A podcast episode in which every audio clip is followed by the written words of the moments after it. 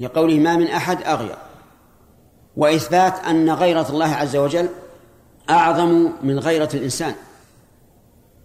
ومن فوائد الحديث عظم الزنا من الرجال أو النساء لأن الله تعالى يغار منه. ولما نزلت هذه الآية والذين يرمون المحصنات ثم لم يأتوا بأربعة شهداء فاجلدوهم ثمانين جلدة. ولا تقبلوا لهم شهادة أبدا وأولئك هم وأولئك هم الفاسقون. قال سعد بن عبادة يا رسول الله أجد لكع باللكع على أهلي وأذهب أطلب أربعة رجال يشهدون. والله لئن وجدته لئن وجدته على أهلي لأضربنه بالسيف غير مصفح. غير مصفح يعني أضربه بحده حتى أقتله. فقال النبي صلى الله عليه وعلى آله وسلم ألا تعجبون من غيرة سعد؟ والله إني لأغير من سعد والله أغير مني. حتى نزلت آية اللعان. الشاهد قوله إنه إنه صلى الله عليه وعلى آله وسلم أغير من سعد والله أغير منه. ومن فوائد هذا الحديث إضافة الإنسان إلى الله بلفظ العبودية لقوله عبده. وإضافة الإناث إلى الله بلفظ الإيمان لقوله أمته وهذا شائع في السنة. قال النبي صلى الله عليه وسلم لا تمنعوا إماء الله إماء الله يعني النساء مساجد الله. وفي الحديث أنا عبدك وابن عبدك وابن أمتك ابن أمتك. إذن الرجال عباد عبيد لله والنساء إماء لله عز وجل. وفي ومن فوائد الحديث الإقسام على الشيء بدون بدون طلب القسم لقوله صلى الله عليه وسلم والله يا أمة محمد والله ما من أحد. وقوله والله لو تعلمون ما أعلم. أنه لم يطلب منه القسم. لكن إذا كانت الحال تقتضي القسم فإنه مطلوب ومؤكد كلما تأكد حاجة الكلام إليه فإنه يتأكد. واضح؟ عجيب يا جماعة. نعم. ومنها جواز إقسام الصادق في خبره لأن النبي صلى الله عليه وعلى آله وسلم أقسم وهو الصادق البار بدون قسم لكن لأهمية الموضوع أقسم عليه الصلاة والسلام. ومن فوائد هذا الحديث شدة الأمر وهوله لقوله لو تعلمون ما أعلم لضحكتم قليلا ولبكيتم كثيرا.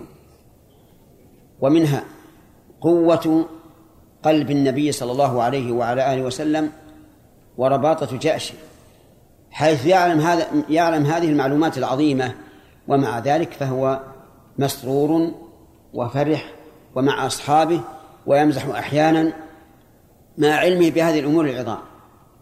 ولا شك أنه صلى الله عليه وسلم أشد أشد الناس ربطا للجأش وثباتا في القلب. ولذلك رأى في, في ليلة المعراج رأى من الآيات الكبرى ما رأى ومع ذلك ما زاغ بصره وما طغى وما كذب فؤاده ما رأى. طيب هل يجوز للخطيب في في الكسوف أن يقول للناس لو تعلمون ما أعلم لضحكتم قليلا والباكيتم كثيرا؟ الجواب فالجواب لا يجوز لأن علم الإنسان غير النبي عليه الصلاة والسلام كعلم سائر الناس. إلى هنا نعم. في صلاة الكسوف هل يقرأ سورة معينة؟ لا. لكن بعض العلماء قرأ اختار اختيارا أن يقرأ ما فيه الآيات مثل سبحان الذي أسرى بعبده ليلا من المسجد الحرام إلى المسجد الأقصى الكهف مريم طه الطوري الأشياء المناسب. أما شيء معين لم يرد. في حديث عائشة سمعتم أنها لم تذكر أنه قرأ جهرا لكن ثبت عن النبي صلى الله عليه وعلى آله وسلم أنه قرأ جهرا. وهكذا صلاة صلوات الاجتماع النهارية تكون جهرا. القراءة فيها جهرا. الجمعة جهر. العيد جهر. الاستسقاء جهر. الكسوف جهر. لأن صلاة يجتمع الناس عليها. نعم. لو كان في بلد لا يعرفون الصلاة. هل يصلون ركعتين نفل ويجهرون بالقراءة لا. أو لا يصلون؟ لا يصلون صلاة كسوف. طيب ما الذي أعلمهم من أن الكسوف له صلاة؟ لا أدري. لا أدري هل يصلون أو لا. لأن صلاتهم ركعتين مخالف للسنة تماما. فقد يقال إنهم يصلون لقول ركعتين لقوله فاتقوا الله ما استطعتم. وقد يقال لا يمكن أن تغير السنن لجهل أصحابها بها. تبقى كما هي وإن أدركوها كما ينبغي وإلا لا لا, لا يصلون. ونحن إذا منعناهم من الصلاة كان أنفع لأجل أن يحرصوا على معرفة الصلاة. ولو قلنا صلوا كسائر النوافل أخذوا على هذا دائما. فالذي يظهر لي أن يقال إن لم يعرفوها لا يصلون لأنها أنفع. نعم سبحان الله. يعرفون التكبير والصدقة والدعاء ولا يعرفون كيفية الصلاة. هذه فرض يا أحمد. هذه مسألة فرضية. نعم. إذا كان البلد يعني فيها دخان لا يرى لا الشمس ولا القمر أو سحاب كثير ولكن علم بالعلم الحديث أنه فيه كسوف أو خسوف والصلاة خلفه يعني إذا قصدت إماما يطيل. قصدت إمام يطيل لأن أكثر الأئمة الآن لا يطيلون في صلاة الكسوف ولا الكسوف ويقصدون التخفيف على الناس ويتركون السنة. أعوذ بالله أعوذ بالله. فهل الذهاب إلى بعض العلماء أو طلبة العلم اللي يطيل ولو كان بعيدا يقصد؟ أي ما في شك. يعني قصد المساجد لحسن صلاة الإمام أو لحسن خطبته هذا أمر مشروع يعني جائز. لا يقال إن هذا من باب شد الرحال. ولكن قل لي إذا كانت السماء مغيمة ولم يعلن بالكسوف ذكرناها أمس أنت ما حضرت أمس؟ أي تمام. ماذا قلنا يا جماعة؟ قلنا لا يصلى. قلنا أيضا إذا كان كسوف الشمس يسيرا لم يتأثر به ضوءها فلا يصلى لأن الحديث إذا رأيتموه. نعم. جزاكم الله خير. هل يكون التكبير والدعاء جماعيا؟ يعني اعلم أنه ليس هناك تكبير جماعي أبدا ولا دعاء جماعي إلا الدعاء في الصلاة كالقنوت. وقراءة الفاتحة. ما في جماعي إطلاقا. الصحابة مع النبي صلى الله عليه وسلم في حجة الوداع الذي منهم من يكبر ومنهم من يهل وكل على على رأسه نعم. أحسن الله عليك. كيف التوفيق بين قول السلم ضحكت قليلا ولو شيء كثيرا وظاهرها الحزن أو الهم قول النبي صلى الله عليه وسلم اللهم إني أعوذ بك من الهم والحزن. نعم. هذا هذا هم طارئ. هذا هم طارئ. ثم إن الله عز وجل قد يستجيب دعاء النبي صلى الله عليه وعلى آله وسلم وقد لا يستجيب. لحكمة تق... تقت... نعم. لحكمة تقتضي ذلك. وإن كان الغالب فيما علمنا أن أدعية النبي صلى الله عليه وسلم كلها مجابة. نعم.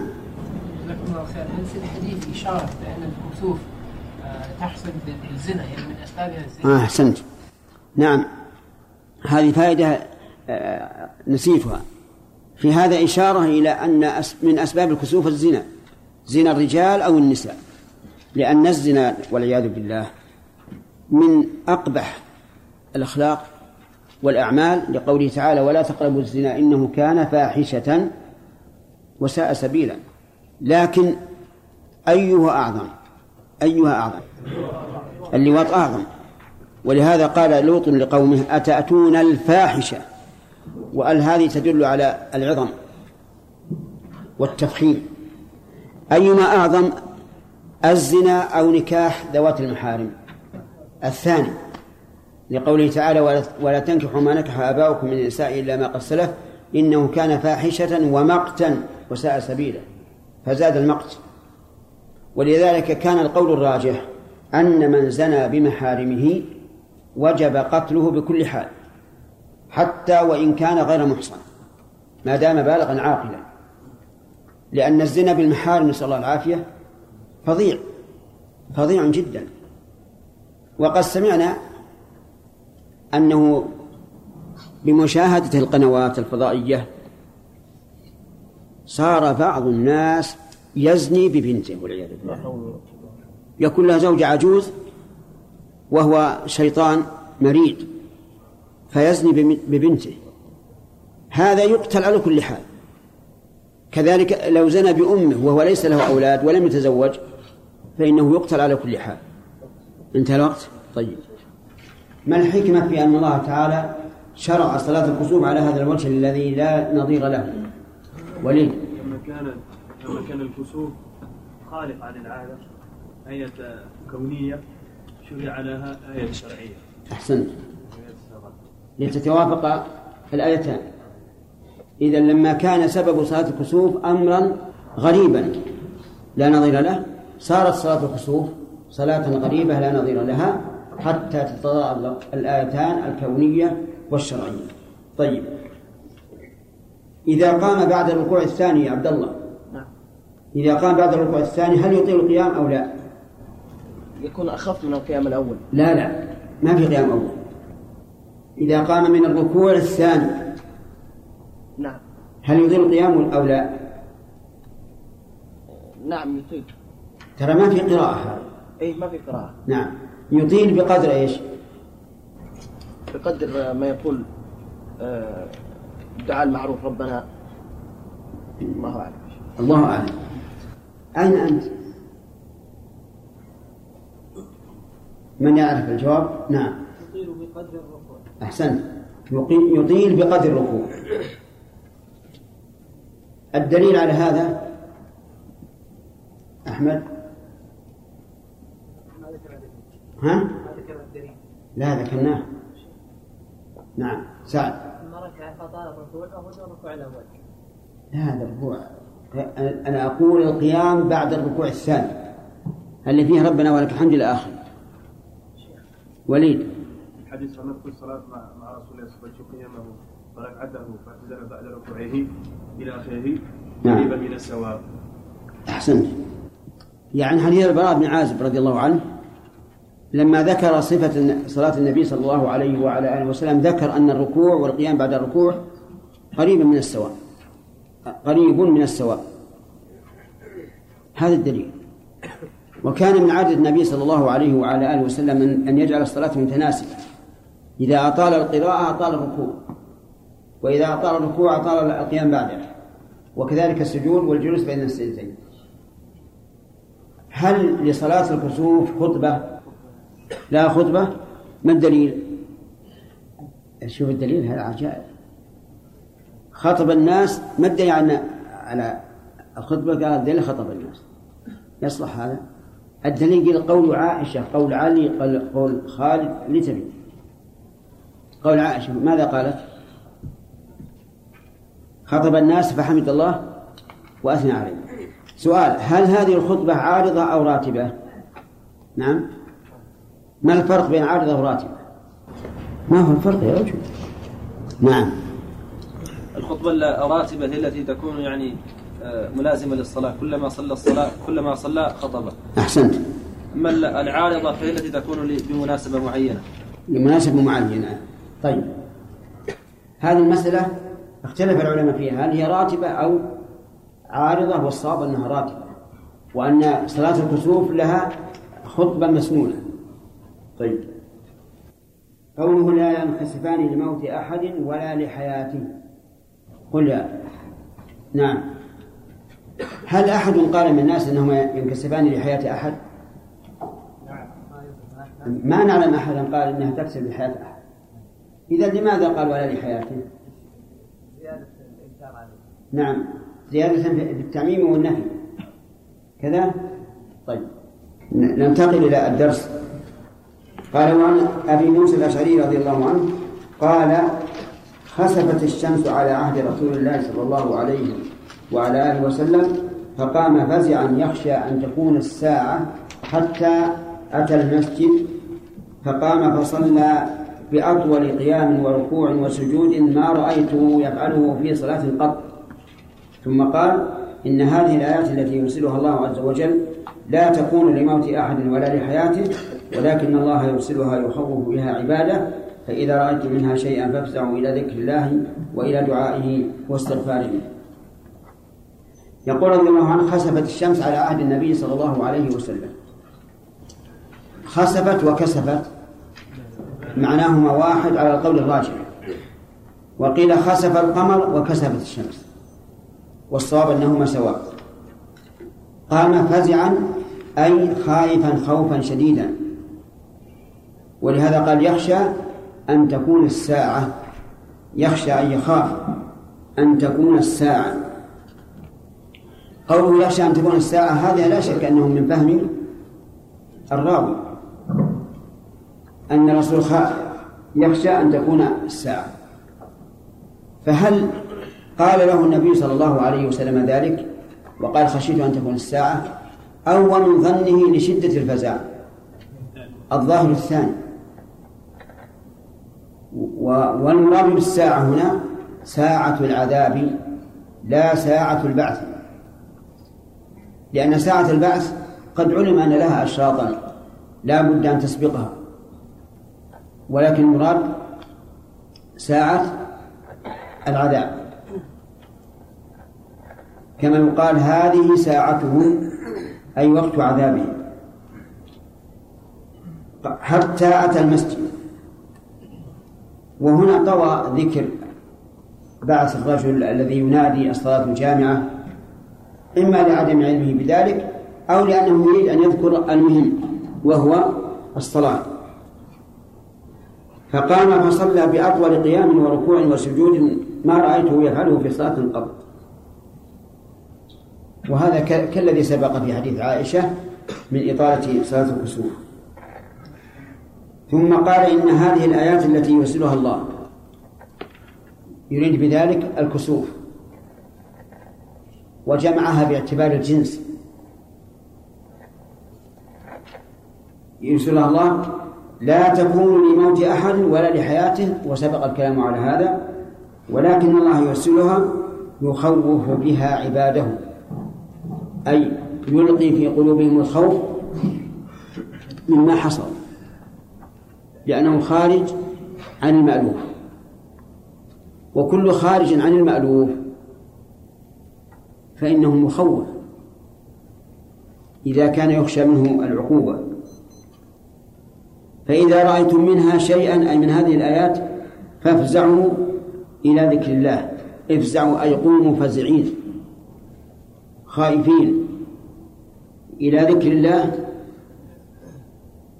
مثل لا إله إلا الله وسبحان الله والله أكبر. وسبق في حديث عائشة أنه قال كبروا والتكبير من الذكر. ودعائه أي دعاء الله عز وجل. أن يكشف ما بكم. واستغفاره طلب المغفرة. لأن التخويف إنما هو من عقوبات قد انعقدت أسبابها. والاستغفار يمحو السيئات. ففي هذا الحديث فوائد. منها وقوع الخسوف خسوف الشمس على عهد النبي صلى الله عليه وعلى آله وسلم. وكان ذلك في يوم تسع وعشرين شوال من السنة العاشرة. ولم يقع كسوف في المدينة سوى هذا. ومنها أن النبي صلى الله عليه وسلم قام فزعا. فإن قال قائل كيف يفزع النبي صلى الله عليه وعلى آله وسلم؟ والخوف إنما يكون لله وحده. فالجواب الخوف الطبيعي يكون من كل مخوف. كما قال الله عز وجل في موسى خرج منها خائفا يترقب. فالخوف الطبيعي لا يلام عليه الإنسان إذا كان له أصل. وأما إذا كان مجرد وهم ووحشة فهذا يلام عليه الإنسان من حيث إنه لا ينبغي للإنسان أن أن ينخنع لهذه الأوهام. ومن فوائد هذا الحديث شدة خوف النبي صلى الله عليه وعلى آله وسلم من الله تعالى لأنه خاف أن يكون عذابا. وقد قيل كل من كان بالله أعرف كان منه أخوف وهذا حق. ولذلك لما كان المشركون لا خوف لهم لا خوف عندهم من الله قال الله عنهم وإن يروا كسفا من السماء ساقطا يقولوا سحاب مركوم ولا يبالون ولا يخافون. ومنها أنه يخشى أن يكون هذا الخسوف منذرا بعقوبة انعقدت أسبابها. لقول أبي موسى يخشى أن تكون الساعة. ومنها مشروعية الإطالة في صلاة الكسوف. فإن قال قائل ألا ينافي هذا قول قول النبي صلى الله عليه وعلى آله وسلم إذا أما أحدكم الناس فليخفف فالجواب لا ينافيه لأن خطاب النبي صلى الله عليه وعلى آله وسلم إنما كان في الصلوات الخمس المفروضة الذي لا يمكن للمأموم أن يتخلص منها لكن هذا صلاة نافلة. لو فرض أنه أطال وشق على الإنسان فإما أن يجلس وإما أن ينصرف.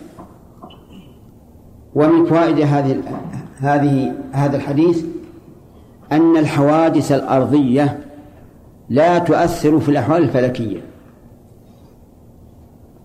الأحوال الفلكية كالكسوف وغيره ليس له علاقة بما يحدث في الأرض من مصائب. لقوله لا ينكسبان لموت أحد ولا لحياته فإن قال قائل هذه الآيات قد تحدث لكثرة المعاصي. فالجواب أن المعاصي ليست هي السبب المباشر الذي يحدث منه هذا هذه الظاهرة الفلكية. بل الظاهرة الفلكية منفكة والذي يرسل هذه الظاهرة الفلكية هو الله عز وجل بسبب معاصي بني آدم. ومنها مشروعية نعم. ومنها بيان حكمة الله عز وجل فيما يفعل. حيث قال يرسلها يخوف الله بها عباده. ولا شك أن جميع أفعال الله وأحكام الله مقرونة بالحكمة.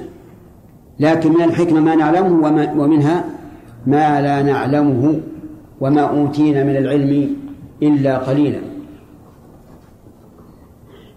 جرت عادة العلماء أن الأحكام المعلومة عللها تسمى معقولة وأن الأحكام التي لا تعلم عللها تسمى تعبدية.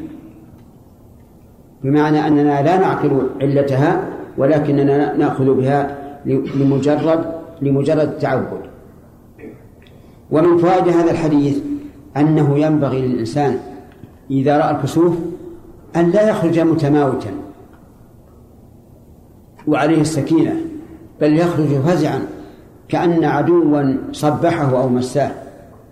لقول النبي صلى الله عليه وعلى آله وسلم إذا رأيتم منها شيئا فافزعوا إلى ذكر الله.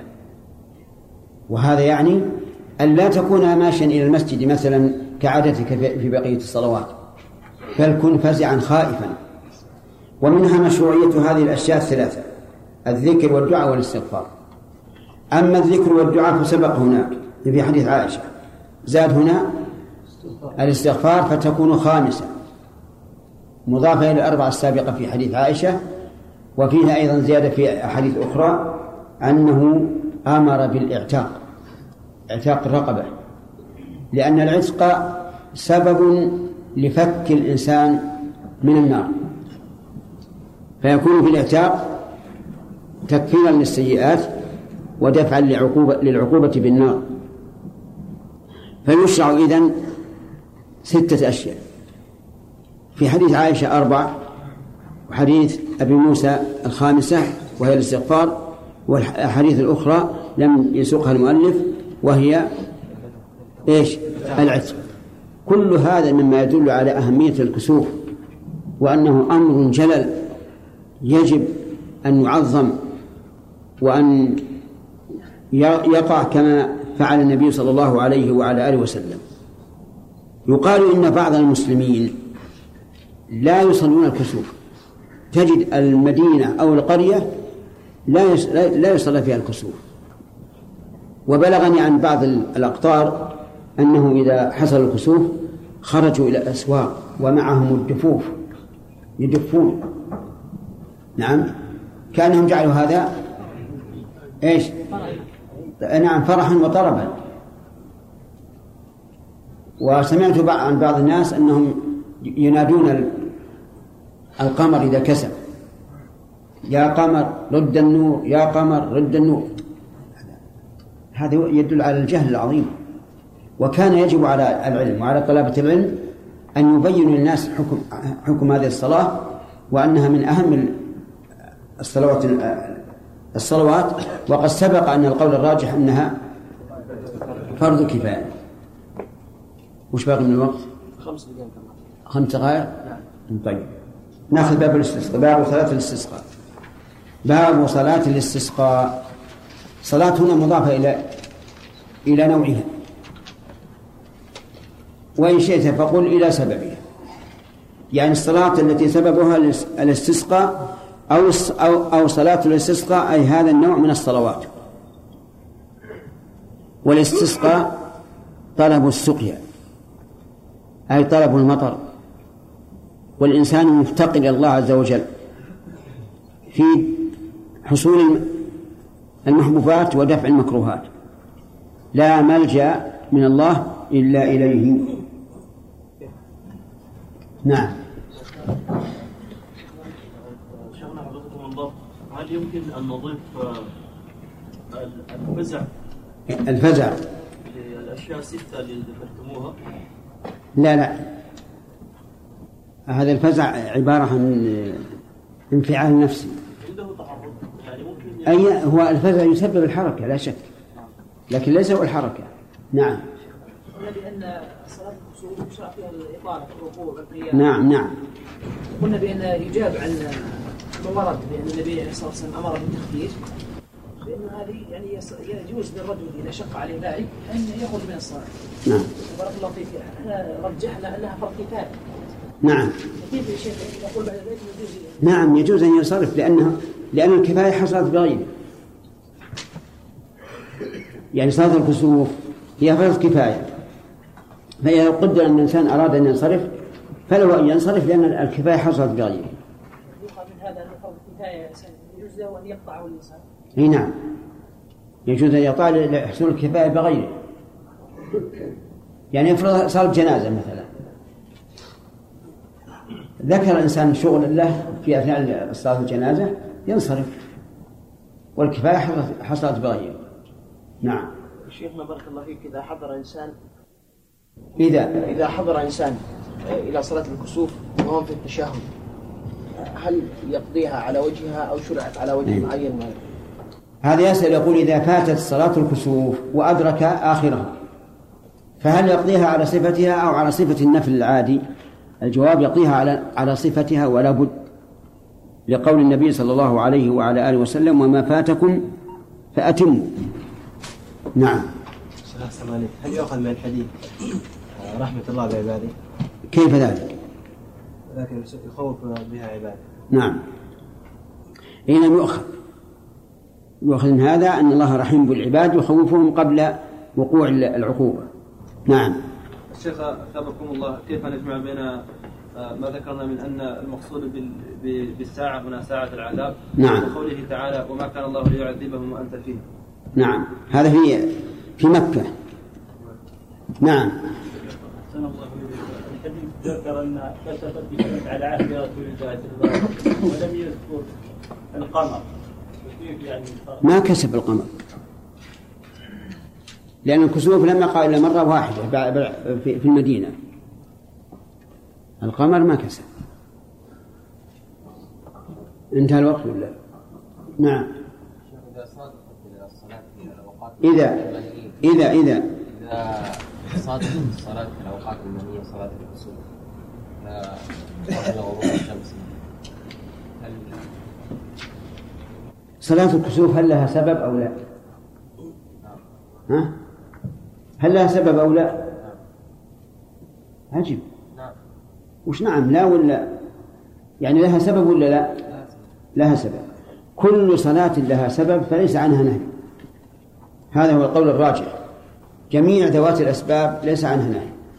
كصلاة الكسوف وتحية المسجد سنة الوضوء آه، قدوم الإنسان مثلا من السفر. صادف أنه قد قدم السفر من سفره العصر. يسن أن يصلي قبل أن يدخل بيته في المسجد ركعتين. نعم. الله إليك يا شيخ. آه، قول قولكم أنه يخرج إلى الصلاة فزعا. إيش قوله؟ أنه يخرج إلى صلاة الكسوف فزعا. نعم. لا يتعارض مع قوله عليه الصلاة والسلام إذا أتيتم الصلاة فامشوا عليكم السكينة. اسمع الرجل. إحنا ما تكلمنا عليها يا جماعة. تكلمنا عليها. إن هذه صلاة خاصة. ولا ينافي هذا أمر النبي النبي صلى الله عليه وسلم بأنه يأتي إلى الصلاة بسكينة. هذا خاص. أفهمت؟ طيب. نعم. أحسن الله إليكم. معلومات أن المشركين ينكرون اسم الرحمن. نعم. وهنا قالوا وقالوا لو شاء الرحمن. هل قالوها استهزاء؟ هذا في التفسير. إيه التفسير. التفسير يأتي إن شاء الله بعد غد انتهى الوقت انتهى الوقت طيب. الحمد لله والصلاة والسلام على أشرف الأنبياء والمرسلين. اللهم صل وسلم عليه نقل نقل المصنف رحمه الله عن أبي موسى الأشعري رضي الله عنه. لكن باب صلاة الاستسقاء من باب إضافة الشيء إلى نوعه وجنسه ذكر إن شاء الله. وذلك إذا أجدبت الأرض. فلم تنبت وقحط المطر فلم ينزل. أو كان الناس يعتمدون على على الأنهار فنضبت. أو على العيون فغارت وضرهم نقص الماء فحينئذ يكون الاستسقاء. أما مع خصب الأرض وكثرة الأمطار فإنه لا فإنه لا يستسقى إلا إذا كان لبلاد إسلامية أخرى فإنه يستسقى لها. لأن المسلمين أرضهم واحدة وحالهم واحدة. فإذا قلت أن الجزيرة هنا لا تحتاج إلى الاستسقاء لكن في بلاد إسلامية أخرى تحتاج كأفريقيا مثلا فإنه يستسقى لها. ولهذا قال العلماء رحمهم الله تسن صلاة الاستسقاء للجدب ولو كان الجدب في غير أرضهم. قال عن عبد الله بن زيد رضي الله عنه. عن عبد الله بن زيد بن عاصم المازني رضي الله عنه قال خرج النبي صلى الله عليه وسلم يستسقي. خرج يستسقي. يستسقي أن يطلب نزول المطر. خرج يعني من من المدينة إلى مصلى العيد. يستسقي فتوجه إلى القبلة يدعو وحول رداءه ثم صلى ركعتين جهر فيهما بالقراءة توجه إلى القبلة يعني استقبلها يدعو والظاهر أنه يدعو جهرا حتى يؤمن الناس على دعائه. ثم نعم وحول رداءه حوله أي جعل ظاهره باطنه ويمينه يساره. والرداء ما, ما يلبس على الأكتاف وتحته الإزار. وحول رداءه ثم صلى ركعتين جهر فيهما بالقراءة. ولم نعم صلى ركعتين ولم يبين كيفيتهما لكن سيأتي إن شاء الله في الفوائد. جهر فيهما بالقراءة أي قرأ جهرا مع أنها صلاة نهارية لكن سبق بل سنذكر إن شاء الله في الفوائد الحكمة من ذلك. ففي هذا الحديث فوائد. منها مشروعية صلاة الاستسقاء إذا قل المطر. ثبت ذلك بإيش؟ بالسنة الفعلية. ومنها أنه ينبغي الخروج إلى مصلى العيد لصلاة الاستسقاء. كما فعل النبي صلى الله عليه وعلى آله وسلم والحكمة من ذلك والله أعلم أنه أقرب إلى الخشوع وأرجى للإجابة لأن الناس يخرجون بارزين إلى إلى ربهم جل وعلا ويسألونه مجتمعين وهذا أقرب إلى الإجابة أقرب إلى الخشوع وأرجى للإجابة. ومن الفوائد أنه يدعو قبل الصلاة. أنه يدعو قبل الصلاة كما هو صريح هنا. ومنها أنه لا تحتاج أنها لا تحتاج إلى خطبة وإنما يحضر الإمام ويقف مستقبل القبلة ويدعو بما يناسب الحال ثم يصلي ركعتين. ومنها طيب. هذه الصفة هل هي توافق ما كان عليه الناس اليوم؟ لا. لكن ما كان عليه الناس اليوم معتمد كانوا فيه معتمدين على حديث ابن عباس رضي الله عنهما أن النبي صلى الله عليه وعلى آله وسلم صلى صلاة الاستسقاء كصلاة العيد. وعلى هذا نقول إن صلاة الاستسقاء يجوز أن تفعل على صفتين بل على أكثر إن وردت. لأن العبادات الواردة على وجوه متنوعة يسن فيها أن يأتي بها, بها على تلك الوجوه لا أن يقتصر على وجه واحد. أولا لأن ذلك أتبع للسنة. لأن السنة وردت فيها متنوعة والأتبع للسنة أن يأتي بها متنوعة. ثانيا لأن ذلك أبلغ في نشر السنة. لأنك لو اقتصرت على وجه واحد نسيت الوجوه الأخرى ولم تعلم الوجه الثالث أن ذلك أقرب إلى حضور القلب ولا سيما في الأذكار. لأنك لو بقيت على نمط واحد لأتيت به على العادة.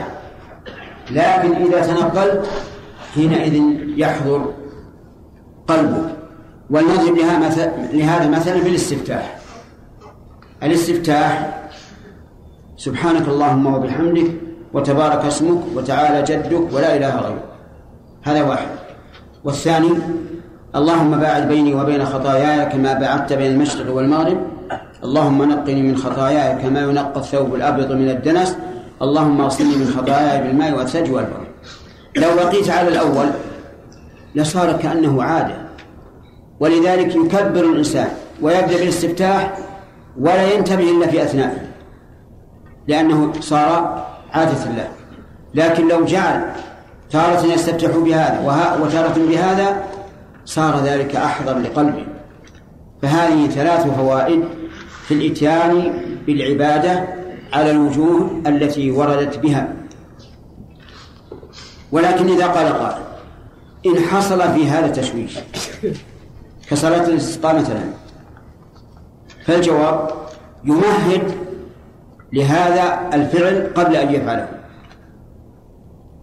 وإذا مهد له قبل أن يفعله وأخبر الناس فلا فلن يحصل التشويش يعني لو قال الناس حين خرج للاستسقاء أيها الإخوة سوف ندعو قبل أن نصلي لأن السنة وردت بذلك. ثم دعا قبل أن يصلي صار ذلك حسنا.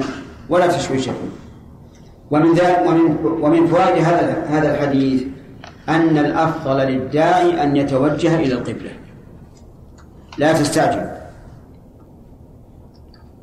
لأن النبي صلى الله عليه وعلى آله وسلم توجه إلى القبلة واستدبر الناس مع أنه سيدعو لهم. فهل يقال إن هذا دليل على أن الأفضل في الدعاء استقبال القبلة؟ أو يقال هذه هذه مسألة خاصة. بدليل أن النبي صلى الله عليه وسلم استسقى في خطبة الجمعة وبقي مستقبلا للناس والقبلة وراءه. فيه احتمال. يحتمل هذا وهذا فإذا قلنا إنه إن هذه هذه صفة خاصة قلنا إذن ادعو الله تعالى على أي حال كنت. سواء كنت مستقبل القبلة أو كانت القبلة عن يمينك أو عن يسارك أو خلفك ومن فوائد هذا الحديث مشروعية تحويل الرداء. مشروعية تحويل الرداء. وهو على الوجه الذي ذكرت له.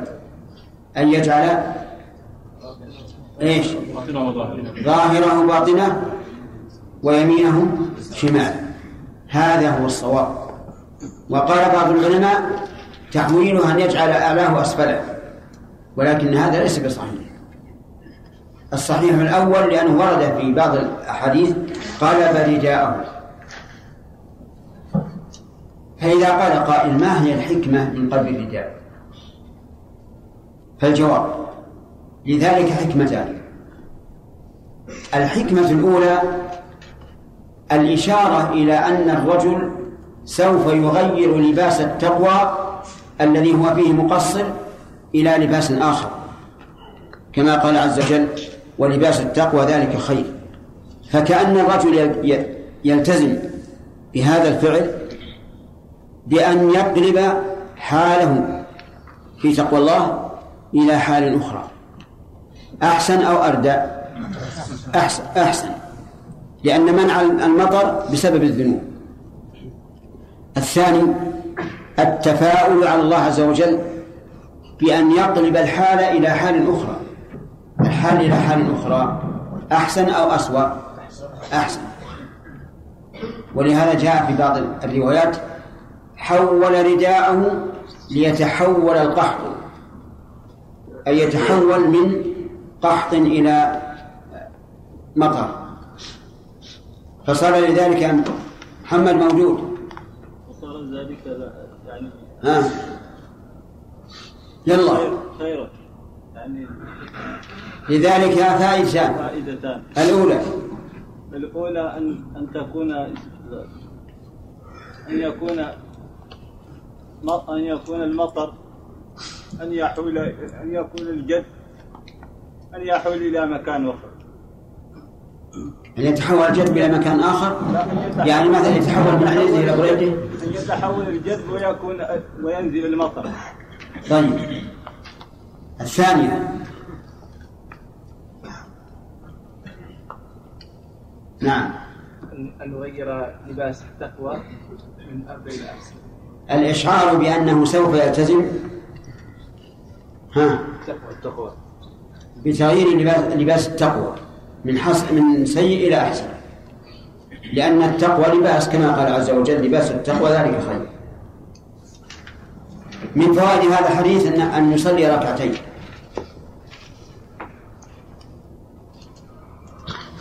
ولكن هل الركعتان كسائر النوافل؟ أو الركعتان كركعتي صلاة العيد؟ في هذا قولان للعلماء. منهم من قال كركعتي كس... نعم كصلاة العيد. يعني يكبر في الأولى ست تكبيرات بعد تكبيرة الإحرام وفي الثانية خمسة. ومنهم من قال يصليها كسائر الصلوات. والأمر في هذا واسع. ولكن إذا كان الناس معتادين أن يج- أن يجعلوها كصلاة العيد فالأفضل أن لا يغير ذلك ما دام اللفظ في قوله صلى ركعتين محتملا. ومن فوائد هذا الحديث أن صلاة الاستسقاء يجهر فيها بالقراءة. وهكذا كل صلاة ذات اجتماع عام. فإنه يجهر فيها بالقراءة. كصلاة الجمعة وصلاة العيدين وهذه الصلاة الاستسقاء. أما صلاة الليل فمعروف أنها جهرية. الحكمة من ذلك أما الجهر في صلاة الليل فظاهر لأن ذلك أدعى لبعد النعاس عن المصلين. وأما في في صلاة النهار فلأن فلأن الجامع الكثير ينبغي أن يكونوا متفقين على استماع قراءة واحدة.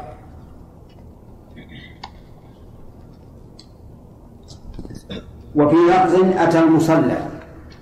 المصلى يعني مصلى العيد. وهذا هو معنى قوله خرج في اللفظ الأول. وعن أنس بن مالك رضي الله عنه أن رجلا دخل دخل المسجد يوم الجمعة من باب كان نحو دار القضاء ورسول الله صلى الله عليه وعلى آله وسلم قائم يخطب. أن رجلا أبهم الرجل لأنه لا ضرورة إلى معرفته بعينه. دخل المسجد يعني مسجد النبي صلى الله عليه وعلى آله وسلم. من باب كان نحو دار القضاء. يعني الدار التي صارت للقضاء في عهد أنس بن مالك رضي الله عنه. والظاهر أنها كانت من الناحية الغربية. ورسول الله صلى الله عليه وسلم قائم يخطب. الواو هنا للحال يعني والحال أن رسول الله صلى الله عليه وعلى آله وسلم قائم يخطب. يعني يخطب يوم الجمعة. فاستقبل رسول الله صلى الله عليه وعلى آله وسلم قائما. ثم قال استقبله قائما. يحتمل أن الرجل مشى حتى كان بحذاء وجه النبي صلى الله عليه وعلى آله وسلم. ويحتمل انه أستقبله حين دخل. ولا يختلف الحكم في هذا. يقول ثم قال يا رسول الله هلكت الأموال وانقطعت السبل هلكت الأموال يعني المواشي التي تعيش على نبات البر. ويحتمل أن الأمر أعم من ذلك. هلكت الأموال المواشي وكذلك الزروع لقلة الأمطار. وانقطعت السبل لضعف الرواحل التي تحمل الناس بأسفارهم. والسبل جمع سبيل وهي الطرق. فادعوا الله فادعوا الله يغيثنا. والأمر هنا للطلب والترجي وليس للإلزام لأن الطالب أدنى من المطلوب وإذا كان الطالب أدنى من المطلوب فلا يمكن أن يكون أمره أمرا بل هو التماس ورجاء فادعوا الله يغيثنا والغيث إزالة الشدة أيدعو الله يزيل شدتنا بنزول المطر. قال أي أنس فرفع رسول الله صلى الله عليه وعلى آله وسلم يديه إلى السماء ثم قال اللهم أغثنا اللهم أغثنا اللهم أغثنا. ثلاث مرات. أغثنا يعني أزل أزل شدته ثلاث مرات. قال أنس فلا والله ما نرى ما نرى في السماء من سحاب ولا قزعة. فلا والله لا هذه زائدة للتوكيد. ودليل زيادتها أنها لو حذفت وقال وقيل فوالله ما نرى لاستقام الكلام. لكن تأتي لا أمام القسم توكيدا وتنبيها. ومثلها قوله تعالى لا أقسم بيوم القيامة. لا أقسم إثبات أو نفي؟ إثبات. لكن لا هنا زائدة للتنبيه. والتوكيد. فلا والله ما نرى أي بأعيننا في السماء من سحاب أي غيم منتشر واسع ولا قزعة أي قطعة غيم. إذن السماء كانت صحوة قال ولا قزعة وما بيننا وبين سلع من بيت ولا دار. ما بيننا وبين سلع. سلع جبيل صغير معروف في المدينة إلى الآن بهذا الاسم. تأتي من قبله السحاب. ويقول ليس بيننا وبين هذا الجبيل بيت ولا دار. البيت الحجرة الصغيرة والدار الكبير. ولا دار نعم. قال فطلعت من ورائه سحابة مثل الترس. طلعت من ورائه أي وراء سلع سحابة مثل الترس. الترس هو ما يتترس به المقاتل عن السهام وسنان الرماح. ويشبه التبس الواسع الكبير. إذا كان عند القتال فإن المقاتل يتترس به. هذه هذا يدل على أن السحابة التي خرجت كانت صغيرة. فلما توسطت السماء انتشرت ثم أمطرت. لما توسطت السماء أي كانت فوق الرؤوس وهي على صغرها مثل الترس. توسعت وانتشرت ثم أمطرت. قال فلا, فلا والله ما رأينا الشمس سبتا. يقال سبتا ويقال جمعة والمراد الأسبوع. بقيت هذه السحابة تمطر بإذن الله عز وجل أسبوعا كاملا. ما رأوا الشمس. يقول قال ثم دخل رجل من ذلك الباب في الجمعة في الجمعة وسلم قائم يخطب الناس. ثم دخل رجل الظاهر إنه غير الأول لأن النكرة إذا أعيدت إذا أعيدت باسم النكرة فالثاني إيش؟ غير الأول. سبق لنا في الدرس الماضي. لو كان الرجل الثاني هو الأول لقال ثم دخل الرجل لكنه رجل آخر. آه، دخل من ذلك الباب. أي الباب الذي دخل منه الأول. في الجمعة المقبلة. ورسول الله صلى الله عليه وسلم قائم يخطب الناس فاستقبله قائما. كما فعل الرجل الأول. وقال يا رسول الله هلكت الأموال وانقطعت السبل. هلكت الأموال من كثرة الماء وانقطعت السبل من كثرة المطر.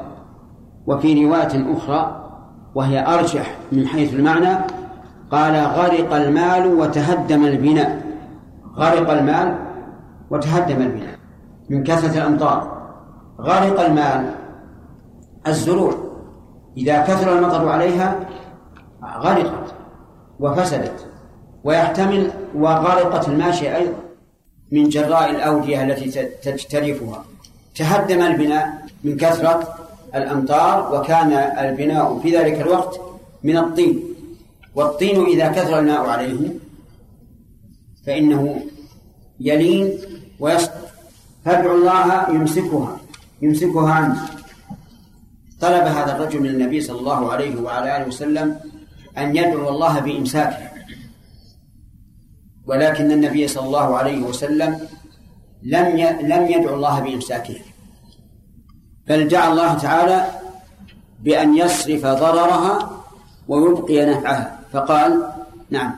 قال فرفع رسول الله صلى الله عليه وعلى آله وسلم يديه ثم قال اللهم حوالينا ولا علينا. حوالينا حوالي المدينة. ولا علينا أي ولا ولا على المدينة. اللهم على الآكام والذراع وبطون الأودية ومنابت الشجر. أشياء أربعة. على الآكام الجبال المرتفعة والضراب ما دونها وبطون الأودية يعني الشعاب التي هي مجرى آه الأمطار. ومنابت الشجر مواضع نباتها وهي الرياض. الرياض يعني الأراضي التي تنبت. قال فأقلعت وخرجنا نمشي. في الشمس أقلعت يعني أمسك المطر. وخرجوا يمشون في الشمس. وهذا من آيات الله عز وجل كما سيتبين إن شاء الله في ذكر الفوائد.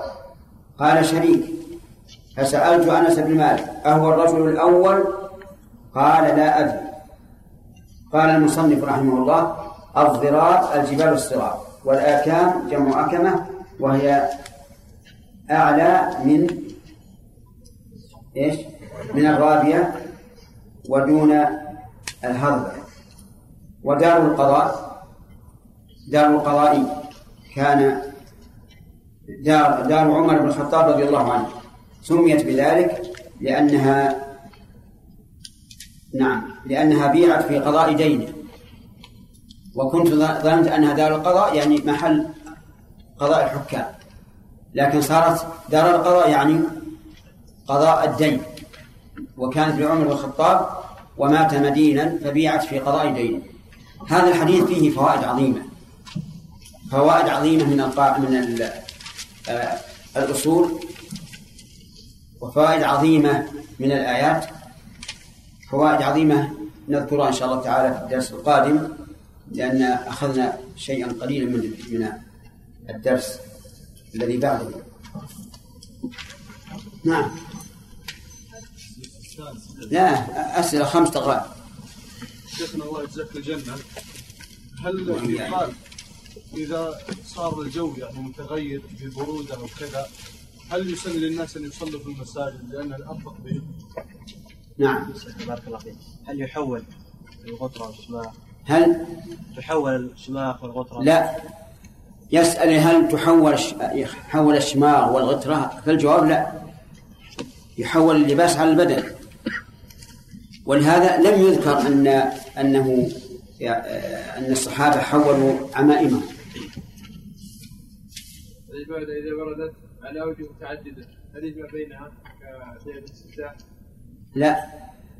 العبادة إذا وردت على وجوه مت- متعددة فكل وجه يذكر وحده فمثل دعاء الاستفتاح لما سأل أبو هريرة النبي صلى الله عليه وسلم ما يقول قال أقول اللهم بارك ولم يذكر سبحانك اللهم وبحمدك. لكن إذا وردت أذكار متفرقة فتجمع. كالأذكار بعد الصلوات. الاستغفار اللهم أنت السلام ولا إله إلا الله سبحان الله. هذه تجمع. وأذكار الركوع والس- والسجود.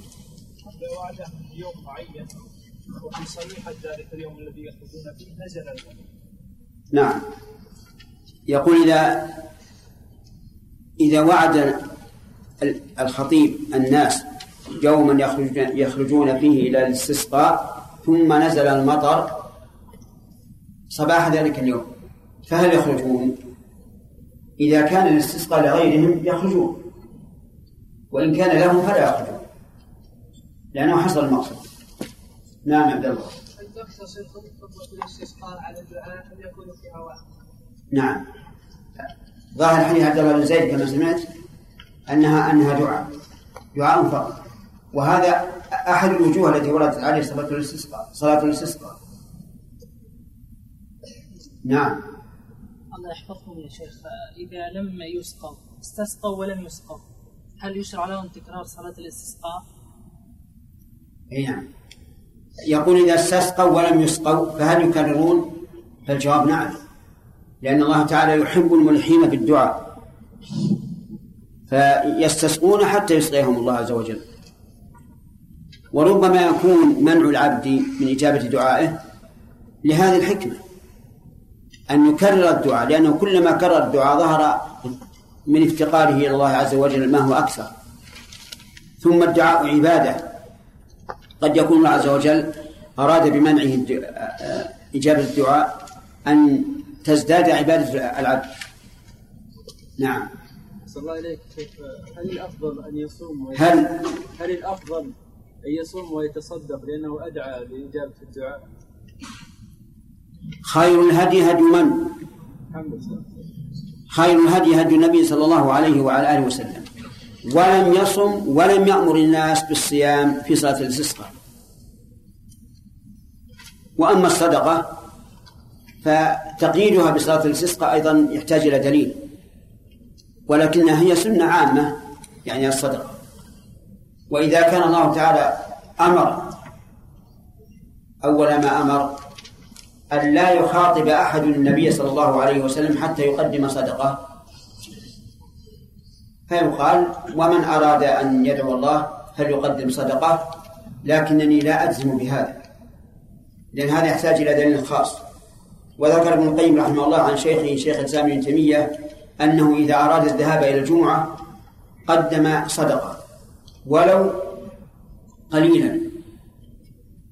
واحتج الشيخ بأن الله تعالى أمر بتقديم الصدقة بين يدي مناجاة النبي صلى الله عليه وسلم فكيف بمناجاة الله؟ لكن فيما قاله نظر رحمه الله لأن العبادات ليس فيها ليس فيها قياس. وإذا كان النبي صلى الله عليه وعلى آله وسلم يصلي الجمعة ولم ينقل عنه أنه كان يتصدق بين يديها فلن, فلن نشرع شيء هذا الحديث حديث أنس فيه فوائد. منها جواز الكلام مع الخطيب يوم الجمعة. لأن هذا الرجل الذي دخل خاطب النبي صلى الله عليه وعلى آله وسلم ولم ينكر عليه. لكن هذا مشروط بأن يكون لمصلحة أو حاجة. فإن كان لمجرد السواليف فهو حرام. انتبه. مشروط بإيش؟ بما إذا كان لمصلحة أو حاجة. أما إذا كان لمجرد السواليف فهو حرام. لو دخل رجل والإمام يخطب وسلم قال السلام عليكم والله أنا اليوم تمشيت ورحت على جوانب البلد ورأيت كذا ورأيت كذا أنت وش سويت يا خطيب؟ يصلح هذا ولا ما يصلح؟ هذا لا يجوز لكن لو قال تكلم الإنسان وقال إن الصوت انقطع عن مؤخر المسجد صوت الميكروفون جائز أو غير جائز؟ هذا جائز. لأنه لحاجة الرجل الذي دخل وقال هلكت الأموال وانقطعت السبل. كلامه جائز لأنه لحاجة نعم. من فوائد هذا الحديث أن من الآداب إذا كلمت أحدا أن تستقبله بوجهه. وهذا من الآداب الرفيعة. لأنك لو كلمته وأنت معرض كان ذلك دليلا على استكبارك ولا تصعد خدك للناس. فهل من اللائق أن أحد عن يمينك وتحدثه ووجهك للأمام؟